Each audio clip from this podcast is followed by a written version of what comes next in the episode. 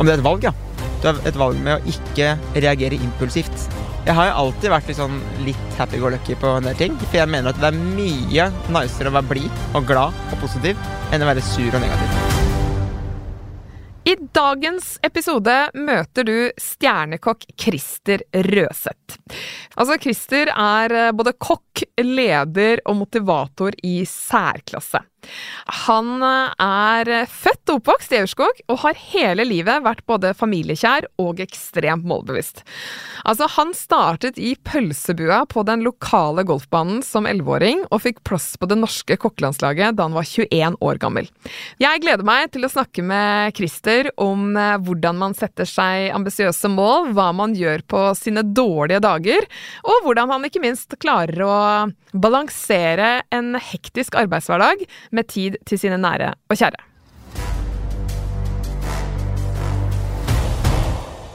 Velkommen til Grit podkast, Christer. Tusen hjertelig takk skal du ha.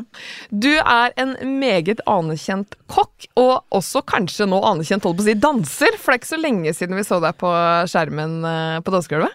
Hvis jeg noen gang blir anerkjent som danser, da Da Da Men var det moro? Jeg må jo spørre ja, det var deg. Kjempegøy. Ja. Altså, det er jo, altså, jeg har sagt det tusen ganger, men det var jo helt fullstendig galskap. Fytti rakkeren for et opplegg. Men fy så gøy det var. Jeg sitter kun igjen med sånne glitrende, nydelige minner. Selv fra de dagene hvor liksom alt var bare Det var fullstendig overskya. Det regna sidelengs, og det var liksom ingen lys i tunnelen. For det var mange dager som var sånn òg. Ja. Men så får du de der dryppene av glede når du får til noe. Mestringsfølelsen. Ja, og fordi det er jo noe helt nytt, ikke sant? for meg, da, som ikke har gjort noe lignende i hele mitt liv. Så det var utenfor komfortsonen for deg. Ja, men jeg, jeg eide det overraskende mye, syns jeg. Jeg var sånn lite redd. Jeg var overraska over meg sjøl hvor lite redd jeg var. Jeg trodde jeg skulle vært mer nervøs, da. Og jeg sa rett før vi gikk på nå at jeg så deg jo i dag tidlig òg lage en veldig deilig krydderkake på God morgen Norge. Og jeg bare tenkte liksom på det. Altså sånn Skal vi danse, God morgen Norge, det der å stå og lage mat foran sikkert en million TV-seere. Du har vært kaptein på kokkelandslaget. Altså, er du veldig uredd? Ja. Det tror jeg jeg kan si. Eller uredd. Nei, jeg er jo Det er ikke helt riktig heller. Jeg mener mer at jeg på en måte er glad i å bli utfordra. Jeg syns det er gøy å opp, oppleve og mestre nye ting, da. Eh, og så er det som i God morgen Norge, så nå har jeg jobba der snart i tre år, sånn på fast basis, ukentlig, da. Men det er alltid sånn, det er ikke alle hver morgen jeg er liksom like komfortabel, og det skal jeg heller ikke være. Fordi du skal jo prestere. Folk skal jo, liksom, du skal jo levere et, produkt på TV, så jeg tar aldri lett på det noen gang. Jeg forbereder meg godt, og jeg, jeg slapper ikke av før jeg vet at alt er på stell. Men du må fortelle meg litt om den reisen til å bli en som håndterer disse tingene, da. Hva er det som har vært med på å skape deg til den du er i dag, da, vil du si, de store trekkene? Det er jo så mange ting, og jeg, jeg tror liksom at det er litt tilfeldig hvordan du eh, ender opp også. Man, man har mål. Jeg har jo hatt mine faglige mål med landslag og, og for så vidt litt med TV også, sånn også, men så er det flere opplevelser gjennom livet ditt tror jeg da, som kommer til å være med og forme deg. Og det gjør det jo. Det former deg til den personen du blir. Eh, men jeg har alltid vært litt voksen av meg. Begynte å jobbe som 14-åring. Da begynte jeg å jobbe i restaurant, da. Og var veldig, syntes det var veldig gøy å jobbe. Altså Veldig moro å tjene egne penger, stå på, møte folk. Aldri vært spesielt introvert. Og det er man heldig med at man ikke er. I hvert fall mitt vedkommende så var det veldig bra jeg var ekstrovert. Jeg eh, har alltid vært veldig menneskekjær og møtt folk liksom med glede. Og det tror jeg har vært viktig for meg, da. Alt ifra liksom at jeg var jo med, med mammas kusine liksom, for å besøke mammas tante på sykehjemmet på sånne eh, hyggestunder på, på torsdag, liksom. Jeg syns det var hyggelig. Ja. Uh, jeg var masse med best, bestemødrene mine, som jeg begge to er borte nå, men det, hun som bodde i Oslo, da. Hun andre var fra Nordmøre. Hun var jeg veldig mye sammen med. Jeg var, jeg var det, for jeg var lærling i Oslo og møtte bestemor sikkert to der i uka. Var det da hjalp henne med ting som alt fra kunne være å betale regninger, kunne være å ha, gå på butikken, det kunne være å ja, alle sånne små småting, da. Og så fikk jeg som en sånn avslutning med bestemor som var så fin og sterk, da. For jeg hadde en sånn følelse at jeg kommer en dag til å finne henne hjemme. Og det gjorde jeg jo, den kvelden hun døde. Så da hadde du nesten en sånn intuisjon på at det kom til å være din Ja, men så jeg tenker, jeg, selv om det selvfølgelig er kjempetraumatisk akkurat der og da, så er det jo Se tilbake på det, så er det sånn Det er jo en, en opplevelse som på en måte er litt fin også, for hun var jo ikke alene. Så det er fint. Og det er med å forme deg som person. En sånn opplevelse vil alltid være med på en eller annen måte, da. Så det er flere sånne store ting som har skjedd. Altså Være med på konkurranser, OL, VM, som på en måte er med og har vært med og satt spor, da. Og På hvilken måte da, vil du si? Hvis vi tar den konkurransedelen først. VM, OL. Hvordan in the end of the day kjenner du at det har preget deg til den du er i dag, da? Nei, det er jo litt sånn Man, man trener veldig lenge på en, en og samme ting. Så det er liksom tålmodighetsopplegg. Samtidig som du må finne et eller annet i deg som gjør at du klarer å utvikle det på nytt og gjøre noe annet med det til neste gang du skal gjøre det samme. Det blir sånn prestasjonskultur, da, hvor du ønsker å levere bedre for hver gang. Og gjøre det, oppskriften litt tightere. Kutte litt ned på den, kutte litt ned på den for å ha minst mulig svinn. Det er veldig mange elementer. Og jeg er så nysgjerrig på den prestasjonskulturen som dere har på deres kjøkken. Ja. Altså sånn, fordi vi har jo sett det og da, også mye på TV, da, for min egen del. Så får man et lite innblikk i det. Men du må fortelle meg, hva er det som er så spesielt med en prestasjonskultur på kjøkkenet, på det nivået som du er på? Når man går inn i restaurantbransjen, så er du motivert for det du skal gjøre. Eh, bør i hvert fall være det. Hvis ikke så får du ikke like gøy, da. Hvis du elsker jobben like mye som jeg gjør, og vi gjør, da, så er det veldig, veldig moro å komme på jobb og prestere på den måten man gjør. Man lager opplevelser for gjester hver eneste dag. Og det jeg er ganske påpasselig med å si, er liksom at vi, når det kommer folk til oss, og gjester til oss, så har de valgt oss. Og det skal vi forvalte. De har satt av penger, liksom, for å komme til oss. Og det skal vi ikke tøyse bort. Det må vi ta veldig seriøst. Ja. Og det har vi valgt å gjøre. Det er det, det er det yrket vi har valgt. Vi har valgt dem, Da kan vi ikke ikke gjøre det 100% Nei. Men liksom, det her hører jeg at du virkelig eier. Og da bare lurer jeg på det, liksom, det virker som at det er et form for prinsipp i bunnen her, som ligger ut fra hvordan dere skal levere noe, hvordan dere skal oppføre dere. Hvor har du lært disse prinsippene? Det, er det liksom fra dine røtter, eller er det, kall det, gjennom mentorer, læring over tid? Jeg har alltid vært motivert for å jobbe i restauranter med mat. Og for øvrig prate med gjester, men det er sånn litt senere tid, etter jeg begynte å jobbe med Jacopo, som er restaurantsjef på Vågals. For han er, veldig, han er litt eldre enn meg, han er en veldig liksom, klok mann. Jeg er, jeg er veldig glad i han, og han er veldig, veldig dyktig og ekstremt god fagmann. Og han kommer fra hospitality-bransjen. Og jobba i London, jobbet i Italia, vært liksom litt rundt. da, ikke sant? Og når man kommer inn med en sånn mentalitet, for for meg var det en liten øyevåkner. Ja. For det, det med hospitality er liksom et, det store bildet, syns jeg, av service. Hvis du har vært på et typisk eh, flott hotell da, i New York, eller vært på Britannia eller i Trondheim, eller noe, så er det sånn Der får jeg følelsen av hospitality i et sånn totalbilde. Og det er det vi også ønsker å levere på Vågals, der jeg jobber da til vanlig. Og på Code, hvor jeg også er med. Det er liksom det, er det som er målet hver eneste dag, er å sørge for at alle får en totalopplevelse. Men jeg har lyst til å snakke litt om det, er sikkert mange måter å ta en lederrolle på et kjøkken. da. Kan du si litt om din filosofi på hvordan du kjenner at du får ut av det beste av de rundt deg? Jeg Det er vanskelig å svare på, men jeg prøver på en måte å være ganske sånn kjær. Litt sånn pappa, blir det på en måte. Samtidig som man må sette krav til at produktene vi leverer skal være bra, for folk kommer og bruker masse penger på dem. Um, jeg prøver å være støttende og liksom til stede og gi av meg selv, da. I veldig stor grad. Men du sier også noe med det der å tørre å sette krav og forventning. Kan du si litt om kommunikasjonen og si, hvordan jobber dere for å ha en takhøyde der, der dere må kunne gi hverandre ganske direkte tilbakemeldinger osv.? For det, ting skjer jo fort også. Også hvis vi også ikke bare snakker på restaurant, men sånn VM, OL? Der går klokka. For at dere skal tåle hverandres direktehet da, og kommunisere under press, hvordan jobber dere for å få den kulturen frem? Kulturen jeg ønsker på kjøkkenet, er jo at man skal på en måte kunne snakke til hverandre på en ordentlig måte. Iblant så kan det hende det blir litt høyere tone. Men det er, det er som det er, jeg, jeg kan ikke huske sist liksom at man hever stemmen, liksom, for det er, det er sjelden man Kanskje gjør jeg har sett litt for mye på Hellstrøms. Ja, jo, men det skjer jo i kjøkkenet, liksom. Eh, At man blir liksom Men det er fordi man er engasjert. Men jeg blitt eldre da, så jeg tenker jo at for mitt vedkommende så ønsker jeg man skal kunne gi tilbakemelding på at det her er ikke godt nok. Du må, lage, du må gjøre det her annerledes, du må gjøre sånn, du må gjøre sånn. Og det er sånn det er. Og Veldig pragmatisk tilnærming til det. Ja. Jo, men det er, Ja. det er så enkelt som det, da. Ja. Og så er alle mennesker forskjellige, så noen mennesker må snakkes til på den måten. Og andre mennesker må kanskje snakkes til på den måten. Folk er forskjellige, det gjelder i alle bransjer. Men du sa litt sånn innledningsvis dette med at eh, du har vært ganske tidlig ambisiøs og satt deg mål. Mm. Fortell litt om eh, hvilke mål du har hatt, og hva som driver deg. Første målet mitt var kokkelandslaget. Ja. Eh, Og hvorfor det? jeg hadde et mål om landslaget da jeg begynte på videregående. Fordi de trente på skolen da jeg gikk på Sørumsand. Så fikk jeg muligheten til å være med å vaske opp for dem. Og hjelpe til bare med sånn typ lage personalmat, eh, rydde, vaske. Ja, det er egentlig det man gjør, da. Som sånn type hjelper. Og så jobba jeg med de så ofte jeg kunne, var jeg med de på samling. Det var jo ikke noe lønna arbeid, det var bare ren interesse.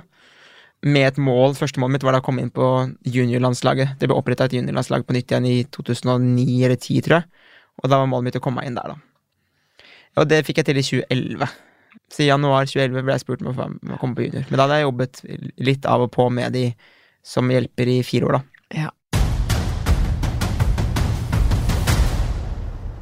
TrippelTex er et uh, veldig fleksibelt regnskapsprogram som har over 95 000 kunder i Norge. Og det er ikke uten grunn.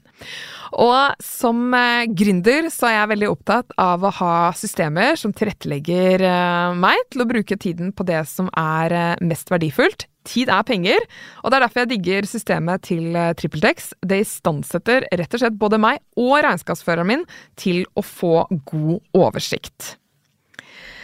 Det som er utfordrende med mange regnskapssystemer, er at eh, man ikke får noen live oppdatering på hvordan det egentlig går med selskapet sitt. Så man må hele tiden oppsøke alt fra forfallslister til budsjettoppdateringer etc. Men med TrippelTex så er det mye mindre vanskelig. Det er rett og slett så enkelt å gi tilgang til alle som trenger det, enten det er regnskapsføreren, daglig leder eller andre ansatte som trenger å bruke liveoppdateringer for å styre selskapet på en god måte.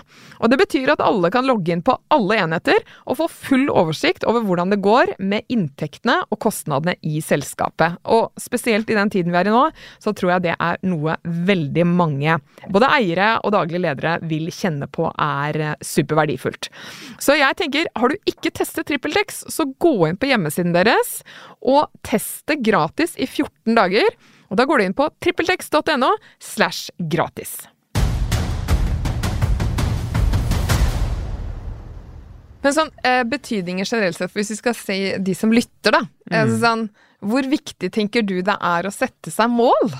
Jeg tror det er viktig, men så er det sånn Alle er forskjellige, ikke sant? Men har du, har du liksom Alle vil ha noe mål i løpet av livet, liksom. Og det, det må huske på, at det, hvis det er høy, store mål, da, så vil det mest sannsynlig kreve en del arbeid for å oppnå det. Men hvis du vil det nok, så legger du ned det, det som skal til Ja. for å få det til. Ja. Og du, jeg har i hvert fall lest meg frem til at liksom det du brenner for, er at alle skal finne glede i å lage mat hjemme, og samtidig lykkes på sine premisser. Mm. Kan du ikke utdype litt, for dette er jo det jeg hører er på mange måter det som organiserer din hverdag, Ja. er med på sikkert hva du skal si ja til og nei til. eh, Ja, Mm. så fortell hva du legger i det. Nei, altså det, det jeg mener akkurat den setningen der, er jo det at liksom sånn når man I hvert fall når jeg lager mat for folket, da, hjemme, så er jo det veldig forskjellige nivåer. Og man vet liksom aldri helt hvor, hvor folk er, så du må på en måte prøve å legge deg på et sted hvor du kan nå flest mulig, da, i vanskelighetsgrad og sånne ting. Så da prøver jeg på en måte å lage oppskrifter og komme med inspirasjon som er oppnåelig for alle, Iallfall for de fleste. Men veldig ofte er det sånn hvis noen er sånn hvis de ser mer enn fem ingredienser, så er det sånn nei, Ja. next. ja, jeg kan kjenne meg Ja, men jeg, jeg forstår jo det, ikke sant? Men så ønsker jeg likevel å inspirere til at men du, du kan gjøre det her, men du trenger ikke. Du kan bare gjøre det her også. Men jeg, hvis du vil, gjør det her også. For da tror jeg du får en enda bedre opplevelse Mm. med den retten. Mm. Eksempelvis. da. Mm. Det er ganske sammenlignbart med jobb også, fordi for alle folk er forskjellige der òg. Man er på forskjellig nivå, man har liksom, alle er interessert, åpenbart. Kanskje noen er litt mer interessert, kanskje noen er sånn ekstremt uh, gira på liksom, å komme så langt som mulig. Da må man kanskje tilrettelegge for den personen eller de personene at de får enda litt mer utfordringer enn kanskje noen andre. Teoretisk, da. Mm. Så det er det du legger i dette med å lykkes på sine premisser, da. Ja, fordi noen kan Alle har forskjellige bakgrunner. Alle har, forskjellige, alle har opplevd forskjellige ting. Eh, mange kan sitte med tanker og ha minner om ting som, i livet som er tungt og vondt og vanskelig, og det kan kanskje være med å gjøre at din hverdag er tyngre, da. Men poenget er jo at alle er forskjellige, og man må liksom I hvert fall når man er face to face, da. Prøve å gjøre sånn at de klarer å lykkes. Reflekterer du mye over egen innsats og det du leverer i hverdagen? Fordi du er jo på en prestasjonsarena ekstremt ofte, da. Ja. Ser du deg tilbake og reflekterer over på en måte, klarte jeg å oppnå det jeg ville i dag? F.eks. Da snakke om denne oppskriften på en sånn måte at uh, sånne som meg da kjenner at ja, kanskje faktisk jeg skal prøve det, for det var, uh, dette er oppnåelig. Tenker du rundt i tid, eller er du veldig sånn da var jeg ferdig med det i dag, nå går jeg bare videre. Nei, hvis det, er, hvis det er ting jeg på en måte Hvis jeg, jeg kjenner på at Oi, sa jeg det? Huska jeg å si det? Oi, sa jeg det? Hvis det er sånne situasjoner, da kan jeg iblant jeg gå tilbake og se på klippet, liksom. Ja. Bare for å Oi, hvis jeg ikke har gjort noe dumt. Eller sagt noe dumt, eller et eller annet sånt. da Det kan være at jeg har glemt å fortelle om en ting, for eksempel, da, som kan være viktig. Ja, sånn. For når klokka ja. Når du får 3, 2, 1, vær så god, så er du på. Og da er det 7 15 minutter, og så er det ikke i alt man husker å si at man har tenkt å si. Vi har ikke noe Ja, jeg er veldig imponert. Jeg tenkte på de oppskriftene du ramsa opp i dag, og jeg bare wow, for en evne å bare druse rundt og husk ditten og husk datten og bare Ja, Jeg skal har sitte. oppskriften i skuffen for meg. Altså, hvis, ja, du har det, ja. hvis det skulle liksom brenne litt på dass, så kan jeg åpne skuffen. da Ja, ikke sant. Men det er jo veldig mange som kanskje lar være i å teste ut nye ting, gå for målene sine, da, fordi det er den der frykten for å feile som, eh, som tar det litt. Mm. Og som kanskje da også overtenker det de har gjort, da, eller prestert. Så jeg bare lurer på, hva er, kall det dine teknikker eller to go-tos for å for å fortsette å prøve å ikke ta deg selv så høytidelig, da, hvis du har eksempel glemt en ting, eller ja, da missa vi den ingrediensen, eller hva det Ja, men så er. er det greit, da. Ja, men hvorfor er det liksom greit for deg i ditt hode? Hvordan er det du tenker rundt det? Ja, Men hva er konsekvensen av at du glemte den ingrediensen? Ok, den smakte kanskje litt annerledes, men sånn i det store bildet, da, i det livet du skal leve, hvor mye av livet ditt skal du bruke på å tenke på at du glemte å ha i den lille sitronsaftskjea? Ja, men det er det jeg mener, da. Ja, Altså, godt eksempel. Jo, men det er jo, det er jo sånn mange, Ja, mange ting ja. som vi henger oss opp i i livet. Ja. Så bruker vi ekstremt mye tid på å irritere oss, på å mene, på å skrive Facebook-kommentarfelt. Altså, jeg, jeg, jeg orker ikke det. Nei. Så for din del, så I det store bildet, sier du. Så du blir du litt eksistensiell i det? Altså du ser det litt sånn fra et større perspektiv på at dette her betyr veldig lite i den store sammenheng. Det blir på en måte din måte å Altså Ja, men, klart, hvis, jeg, hvis jeg skulle vraka bilen, da. Det får en konsekvens som er stor i livet ditt, potensielt. Hvis du skal ut med x antall titalls tusen. Det vil, det vil du merke over lengre tid, mest sannsynlig. Hvis du Har det skjedd der? Du Nei, nei, bare nei. nei. For, bare for å skape en liten kontrast, da. Ja. Så er det sånn, hvis det skulle skjedd, da. For med en vanlig inntekt så kan det være helt sånn nedslående, og det er sånn klø seg i huet hvordan skal jeg løse det her? Det er, det er en stor greie i livet. Om du har glemt å ha i sitronsaft i risottoen, så er ikke liksom det Det er ikke, det er ikke helt samme nivå. Nei. Pick your battles, liksom, tenker jeg. Jeg var nok ikke så egentlig på det før, men etter jeg hadde, jeg hadde en hjerteoperasjon i 2021 Etter det så har jeg fått litt sånn rundere tilnærming til en del ting. Fordi det er ganske skjørt. Livet er ganske skjørt. Når man plutselig skal legge seg, i hvert fall for mitt vedkommende, tenkte jeg da, at det, jeg var ikke noe redd. Jeg var veldig trygg på legene, og, og jeg hadde en Jeg ser tilbake på en kjempeopplevelse på Ullevål sykehus med både sykepleiere og leger og alt mulig. Men kvelden før, når jeg lå på Ullevål sykehus med utsikt til kirkegården, så du tenker jo litt da på at eh, ok, livet er faktisk ganske skjørt. Og da er det sånn, da tenker jeg for, for meg begrensa hvor mye tid jeg skal bruke på å henge meg opp i bagateller. På å henge meg opp i hva andre folk sier og mener og gjør. Når jeg har nok med meg og mitt og mine kjære. Som jeg heller har lyst til å bruke fokus og tid på. Så du, du merket egentlig at den holdningen skrudde seg til etter den Ja, ja. erfaringen? Ja. Altså sånn, Jeg er mye mer med der nå at eh, man, man, nei, man kan ikke ta den flaska med vin i dag, herregud, det er bare onsdag. Jo, det kan jeg, fordi det er onsdag. ja, men, Så livsnytelsen også? ja, Bare, ja. Å reise og oppleve. Og det er ikke alle som har, har ressurser til eller som kunne bare stikke til hvor som helst, men gjør iallfall noe som gir deg glede, da. På en helt vanlig onsdag eller tirsdag. Det anbefaler jeg på det sterkeste. Men jeg, altså, jeg må spørre deg, for at, eh, jeg tror jeg aldri har sett deg på TV eller noen ting jeg, hvor du er i dårlig Jeg blir sur, jeg òg. Ja, jeg visste skulle si det. Jeg visste det kom. Ja, du, du virker å bare ha et sånn ekstremt på I psykologien kaller vi det for growth mindset. Da? Du har to måter å se på ting. Du kan se på det på en uh, offensiv måte, eller du kan se på det en negativ måte. Og du bare virker i hvert fall at du er veldig offensiv og konstruktiv i måten å tilnærme deg ting. Og da lurer jeg liksom født sånn og bare vært sånn, eller utvikla deg, trent på det. Jeg har jo alltid vært litt sånn litt happy-go-lucky på en del ting. For jeg mener at det er mye nicere å være blid og glad og positiv enn å være sur og negativ. Når man ser liksom, Jeg bruker veldig ofte Facebook eh, og kom kommentarfelt der som eksempler. da. Når man ser så mye gulp som kommer opp der, tenker jeg sånn Kjære, vakre deg. Kan du ikke heller gå en tur i skogen? ja. Det er frisk luft, det er sikkert og fint å se på, hvert fall nå som det er høst. Nydelige farger. ja. Kanskje du ser en elg? Eller et rådyr? Det er positivt. Det er påfyll. Det er kjempepåfyll med å sitte hjemme og hamre løs på et tastatur eller på en telefon. Og det du skriver nå, det får ingen påvirkning på noe som helst annet enn at du, har driti deg ut. Mm. Eller vært ufin med andre, da. Sånt orker jeg ikke. Da er det bedre å være positiv. Tenker du at folk har et valg der? Om det er et valg, ja. Mm. Du har et valg å vente.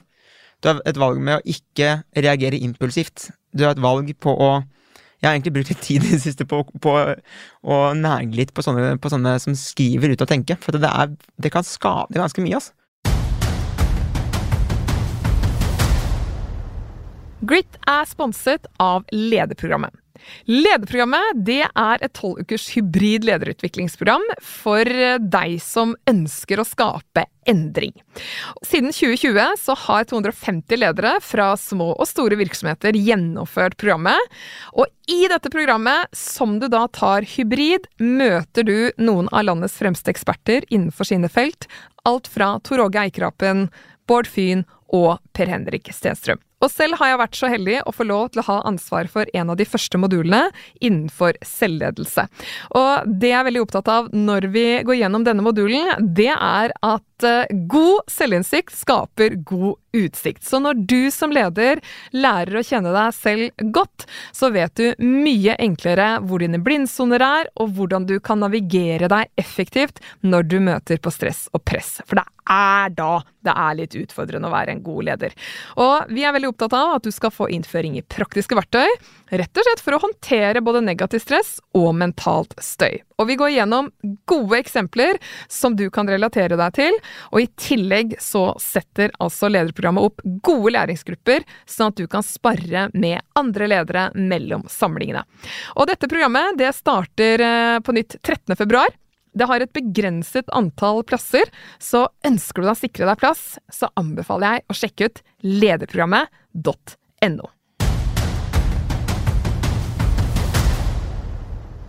Kan ikke du fortelle litt om uh, den klassiske tidsklemma som veldig mange erfarer? da? Spesielt hvis man er ambisiøs og elsker jobben sin og går all in i det, så er det veldig fort at det blir altoppslukende, og så kommer familie og venner og alt det der liksom som sånn på andreplass, og så kommer en selv på tredjeplass. Så fortell meg liksom hvordan du organiserer livet ditt rundt ja, og så også få tid med dine nærmeste, da, som du er så glad i. Ja, nei, altså jeg, jeg har jo Jeg skulle gjerne vært- ønske å være mer hjemme i Aurskog hos eh, mor og far, da, men jeg, jeg ringer de ofte, så jeg snakker med dem på telefon i hvert fall én, kanskje to ganger i uka.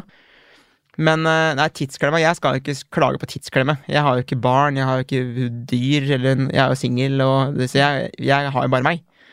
Og det er jo på en måte flaks når man driver med alt jeg driver med akkurat nå. Ikke at det er det jeg ønsker å ende opp som, men, men nei, jeg, jeg prioriterer meg selv også. For jeg, Det høres ut som jeg er superkompleks, men jeg hadde jo angst en periode også. Og da gikk jeg til en helt sånn fantastisk ergoterapeut som lærte meg å ha kristertid. Ja. Fortell, hvordan er kristertid? Kristertid, det er helt tipp topp, skal jeg si deg. Ja. Fordi da, eh, da er det ofte Det er gjerne, det innebærer ofte elementene da, som er med her. Det er sofa, det er TV, typisk Netflix Viaplay. Det er eh, kanskje smågodt. Det kan være et glass vin der. Cartoonis-kjeks, sånne, sånne blå, blå poser. Ja!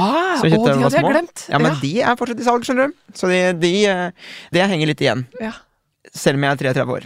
Og da kan jeg på en måte bare ligge og nyte en hel dag for meg selv. ja. Da, da, da, det, og, jeg lik- mat. ja, og jeg liker litt at du faktisk sier sofaen, for at et klassisk svar er ofte liksom 'da tar jeg Bygdøymila', liksom. Men Ja, det nei, jeg, gjør ikke jeg, du. jeg liker å trene også, ja, men det kan jeg gjøre før jobb. Så å slappe av for deg er faktisk også Det kan være å ligge rett ut. Ja, ja gud, ja. Det er slapp av. Ja. Ellers så er jeg som med venner. Mm. Som på en måte Gode venner, er, det er mye energi. Så det, det å være sammen med gode venner når man har tid og mulighet, det er jo også påfyll. Ja. Hvor du kan ha på deg joggebukse og bare liksom chille, liksom. Men har du noen gang altså sånn, du, du sa du da hadde hatt angst. Kan du fortelle litt mer om det? For det er jo øh, altså Det å erfare det i løpet Ja, erfare det i løpet av livet, da. Altså sånn Hva Ja, har det, det- gjort med deg? Ja, Ja, bort- Bortsett fra fra også- ja, kristertid. Nei, det, det kom vel, tror jeg, litt for at det var en periode hvor det skjedde ekstremt mye ting samtidig, og jeg prøvde liksom å hele tiden å overvinne alt og være med på å gjøre alt 100 Og da merka jeg at jeg, jeg, jeg kom litt, sånn litt ut av meg selv, på en måte. Det var vanskelig å finne ord iblant, og det var en kjemperar opplevelse. Det er vanskelig å sette ord på nøyaktig hvordan det føltes, men det, det er litt sånn ut av seg sjøl-opplevelse. Tenkte jeg, det her må jeg få hjelp med, liksom, for jeg hadde en venninne som tidligere har slitt med det, som slet veldig med det. Og da tenkte jeg ok, jeg må ta tak i det, liksom. Så jeg, gjorde det. Jeg gikk jo da til fastlege, som da anbefalte meg hun ergoterapeuten, som er ja, helt enestående dame, og begynte å gå til henne. Og snakke med henne om de tingene jeg tenkte på, og de tingene jeg gikk gjennom, og så fikk jeg veldig gode verktøy. I form av meditasjon, krisertid, og etc. da.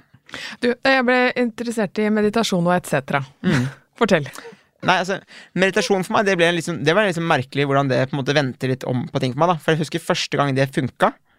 Det var helt sinnssykt, liksom. Oi! Fordi uh, hun jeg gikk til, da, hun ga meg flere teknikker. En teknikk er eksempel hvis du sitter i en stol eller i sofaen, og så bare klemmer du én tommel mot en finger, og så bare anerkjenner du hvordan det kjennes. Det er meditasjon. Nå kjenner jeg pulsen min i fingrene. Det kan være meditasjon. Og det tar ett sekund. To sekunder. For du var, tenk, var litt redd det skulle ta mye lang, lengre tid? Eller altså bruke mye Ja, nei, jeg, jeg fant et track jeg, på Spotify, liksom. Ja. Det var min løsning til slutt, men det, var, det er én måte man kan meditere på, er Mm. faktisk bare å klemme seg fingeren. Ikke så det gjør vondt, men bare anerkjenne at ja, det kjenner det presser. Og bare bruk liksom, et minutt på å kjenne det, da. Så har du faktisk tatt en timeout fra alt som skjer rundt deg. Og det er litt interessant. Mm. Men jeg fant et track som jeg begynte å lytte på, og så prøvde jeg på en måte å finne ro til å høre på det tracket. Første gang så jeg husker jeg satt hjemme på Disen i leiligheten min, og så klokka fire på ettermiddagen, et eller annet sånt, og så lytta jeg på det tracket. Og så klarte jeg på en måte Det er, det bølgesus, og det er sånn eh, opp mot strand, og jeg bare, bare dratt helt inn i det, liksom. Og jeg var jo på den stranda. Og så våkner jeg igjen, og så tenkte jeg hva i all verden skjedde nå? Wow. Da hadde jeg fått 12-13 minutter med helt timeout. Ja. Fullstendig timeout. Og det begynte jeg å gjøre ganske, ofte. eh, og ikke at det funka like bra hver gang, men jeg, jeg fant meg Jeg fant timeouter som det, da. Så det var, eh, det var nice. Ja, En måte å komme tilbake på og roe ned og mm. ja. Og så sa du et cetera. Hvilke andre ting er det Altså, var det noen hacks der som du bare tenker kan være verdifulle for andre å, å vite? Altså, jeg, det her skjedde jo rundt pandemitidene. Så for meg så var det den pausen jeg fikk i pandemien, for meg var nok det ganske bra. Selv om det var veldig stressende med tanke på at restaurantene våre var stengt, og du vet, det var mye elementer der, men jeg jeg trengte nok den pausen, på en måte, kanskje, fra det, alt som skjedde. Samtidig som man, man kjente på at man savna det vanlige livet, men den første måneden der for meg, det var liksom Det trengte jeg, liksom. Bare for å bremse. Stoppe opp. Mm. Så da var jeg i skogen, kunne ta med meg liksom, hengekøya, legge meg i en hengekøye mellom noen trær, og bare lytte på stillheten, lese i en bok. Ja. Ta med matpakke, liksom. Eh, Har du noen refleksjoner rundt hva som gjorde at du kom dit, hvor du fikk angstanfall? Var det noen tegn du overså, eller? Jeg vet ikke, men det er jo som alle tog som kjører i full fart, vil jo på en måte på et eller annet tidspunkt kanskje ha behov for å stoppe opp litt for å enten fylle bensin eller et eller annet sånt. Og det var kanskje det jeg gjorde, da. Men så var det en del uten, andre ting også som ikke jeg skal snakke om, som skjedde, det skjedde mye på en gang. Ja, Eh, Totaliteten ble for. Totaliteten ble ganske stor. Jeg, jeg er veldig glad jeg tok tak i det, sånn som jeg gjorde det. Mm. Og hun som jeg snakket om, hun ergoterapeuten, var liksom tilgjengelig både på Teams og sånn, og det var bare helt Fantastisk. fantastisk. Liksom. Og da jobbet hun både med deg nesten mentalt og fysisk, hun. ja, Ja. men hun, veldig, hun ga veldig god råd, og så er hun veldig sånn For meg ble hun en person som jeg er veldig trygg på. Og det er ofte det det handler om når det kommer til å få hjelp, da, er jo det der med Det, det må være en connection der. Det er ikke en sånn følelses, eller følsom connection, men det er en, et menneskelig, en menneskelig connection. Så for meg så hun er liksom min go to enda, hvis jeg har behov for det. Og så lander du. Så lander jeg. Mm, så deilig. Du sa bare noe i stad som jeg har lyst til å avslutte med, og, bare høre litt mer om. Fordi du sa liksom Når du har så lyst til å nå et mål, så blir du ofte villig til å jobbe hardt for å få det til òg. Mm. Da tenker jeg, ok, da har du skikkelig kvalitet på motivasjonen din. Men mennesker som kjenner på motivasjonsdupper, Mm. hva tenker du da? Fordi du har hatt veldig langsiktige, høye, ambisiøse mål. Du må jo også ha dager der motivasjonen ikke var på topp, eller? Definitivt. Nettopp. Ja, men liksom, det har man jo. ja, hvordan Du kan ikke være like det. ambisiøs hver eneste dag. Det I hvert fall ikke jeg. Det kan jeg ikke. Noen kan det. Hvis du jobber på trestjerners restaurant i hvor enn i verden, så der har du ikke andre valg. Der må du prestere hver eneste dag. Mm. Det er det som er jobben din, på en måte. Men man må liksom kunne tillate seg selv iblant å ikke måtte prestere helt enormt, tenker jeg da. Og litt som jeg snakka om i stad også, hvis du på en måte da kjenner du blir revet, og det blir sånn uh, tårn i altså det, det, Åh, nei, jeg må gjøre det, jeg må jo få gjort det her i dag, men må du virkelig det? Kan du liksom, kan du gjøre det i morgen? Hvis du får det bedre av å kanskje gjøre det i morgen? Det må man, spørsmålet må man stille seg selv, da. Det gjør iallfall jeg. Og iblant tenker jeg sånn, Christian, vet du hva? Det er to minutter av livet ditt. Det her får du til. Kjør nå. Og da gjør jeg det. For meg så kan det være typisk å tømme oppvaskmaskinen. Bare sånn, nei, det orker jeg ikke i dag. Henge opp klær. Åh, det er så kjedelig. Men så tenker jeg sånn, Christer, det er to minutter av livet ditt. Skjorta blir mye lettere å stryke etterpå hvis du bare gjør det nå. Så jeg finner liksom argument for meg selv. Sier jeg det likevel. Ja, fordi det er jo så det er jo så normalt, Mange kan liksom tenke at hvis de ikke da, hvis de har en motivasjonsdupp kanskje på en uke eller to, sant, så begynner de å sette spørsmålstegn ved ja, vil jeg egentlig dette her nå, kanskje jeg skal bare gi opp drømmen, kanskje jeg skal ikke sant? Men, men det er der det clouet er, da, i å stille det riktige spørsmålet til seg selv, er det det jeg hører? Ja, Ja. ja for meg gjør det det. Ja. Still deg selv noen kontrollspørsmål. Alternativt still noen spørsmål til en du som kjenner deg skikkelig godt. Hva tenker du om det her? Hva tenker du sånn og sånn? Så kanskje du får de spørs spør- spørsmålene servert fra den personen istedenfor. For jeg er liksom sånn Når folk kommer og spør meg om råd, så sier jeg sjelden ikke et svar. Jeg stiller spørsmål tilbake igjen. Men hva er det du ønsker? Hva er det du vil? Hva vil du oppnå med det? Hva tenker du at det kommer til å gjøre for det? Fordi det er mye bedre at man kommer til et svar sjøl. For da har man på en måte prestert det også. Og så helt til slutt, altså vi lever jo i en eh, ekstremt digitalisert verden hvor veldig mange sammenligner seg med, med andre, ikke sant? Vi kan gjøre det nå på Instagram og Facebook, alle disse tingene. Så, eh, så det kan jo være utfordrende hvis man er en type person som da alltid ser ut til at alle andre gjør det bedre, og de tingene der, og, og man har kommentarfelter, du sa litt om det i stad, men hva er dine råd for å liksom våge å være seg sjøl, og bry seg litt mindre om hva andre mener? Ja, men jeg tenker sånn Du skal leve ditt liv. Du skal ikke leve livet til de som er på Instagram. Du er deg. Og det er det du må fokusere på. Jeg fokuserer på meg selv og det livet jeg har lyst til å leve. Jeg tenker på at jeg har lyst på egne barn, og det er ikke noe sånn automatikk at, som, at du som homofil at du kan få det. Men jeg ønsker det, men det er ofte forbundet med en kostnad. Så jeg jobber hardt og står på fordi jeg ønsker å ha råd til å kjøpe meg barn, liksom. Det er helt sjukt å si høyt, men det er faktisk sånn det er. Det er sånn. Fokuser på hvordan du har lyst til å leve ditt liv. Hva er, det, hva er det som beriker ditt liv? Hva er det som gjør at du får energi? Hva er det som gjør at du gleder deg til å stå opp eh, gå på jobb? Hva er, det som, gleder- hva er det som gjør at du gleder deg til å møte vennene dine? Hva er det som gjør at du gleder deg til alt i livet? Finn liksom det i deg sjøl. For alle har det svaret. Et eller annet sted, vil jeg tro. Og det tror jeg jeg hadde stilt meg selv spørsmål om. Åh, det er en fin eh, oppgave å få, folkens. Tusen takk for at du kom hit til Grit, Christer. Takk for meg.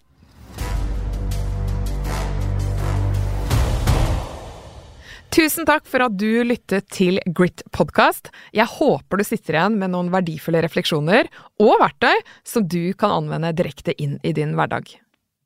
I neste episode møter du CEO i Nille, Kjersti Hobøl.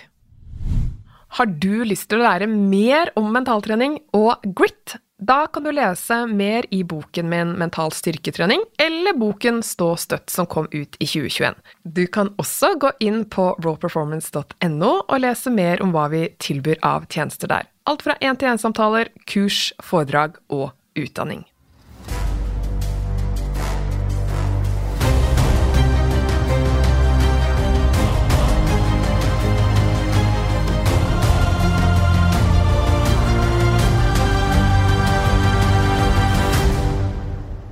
Denne podkasten er produsert av Monster Podkast for Raw Performance.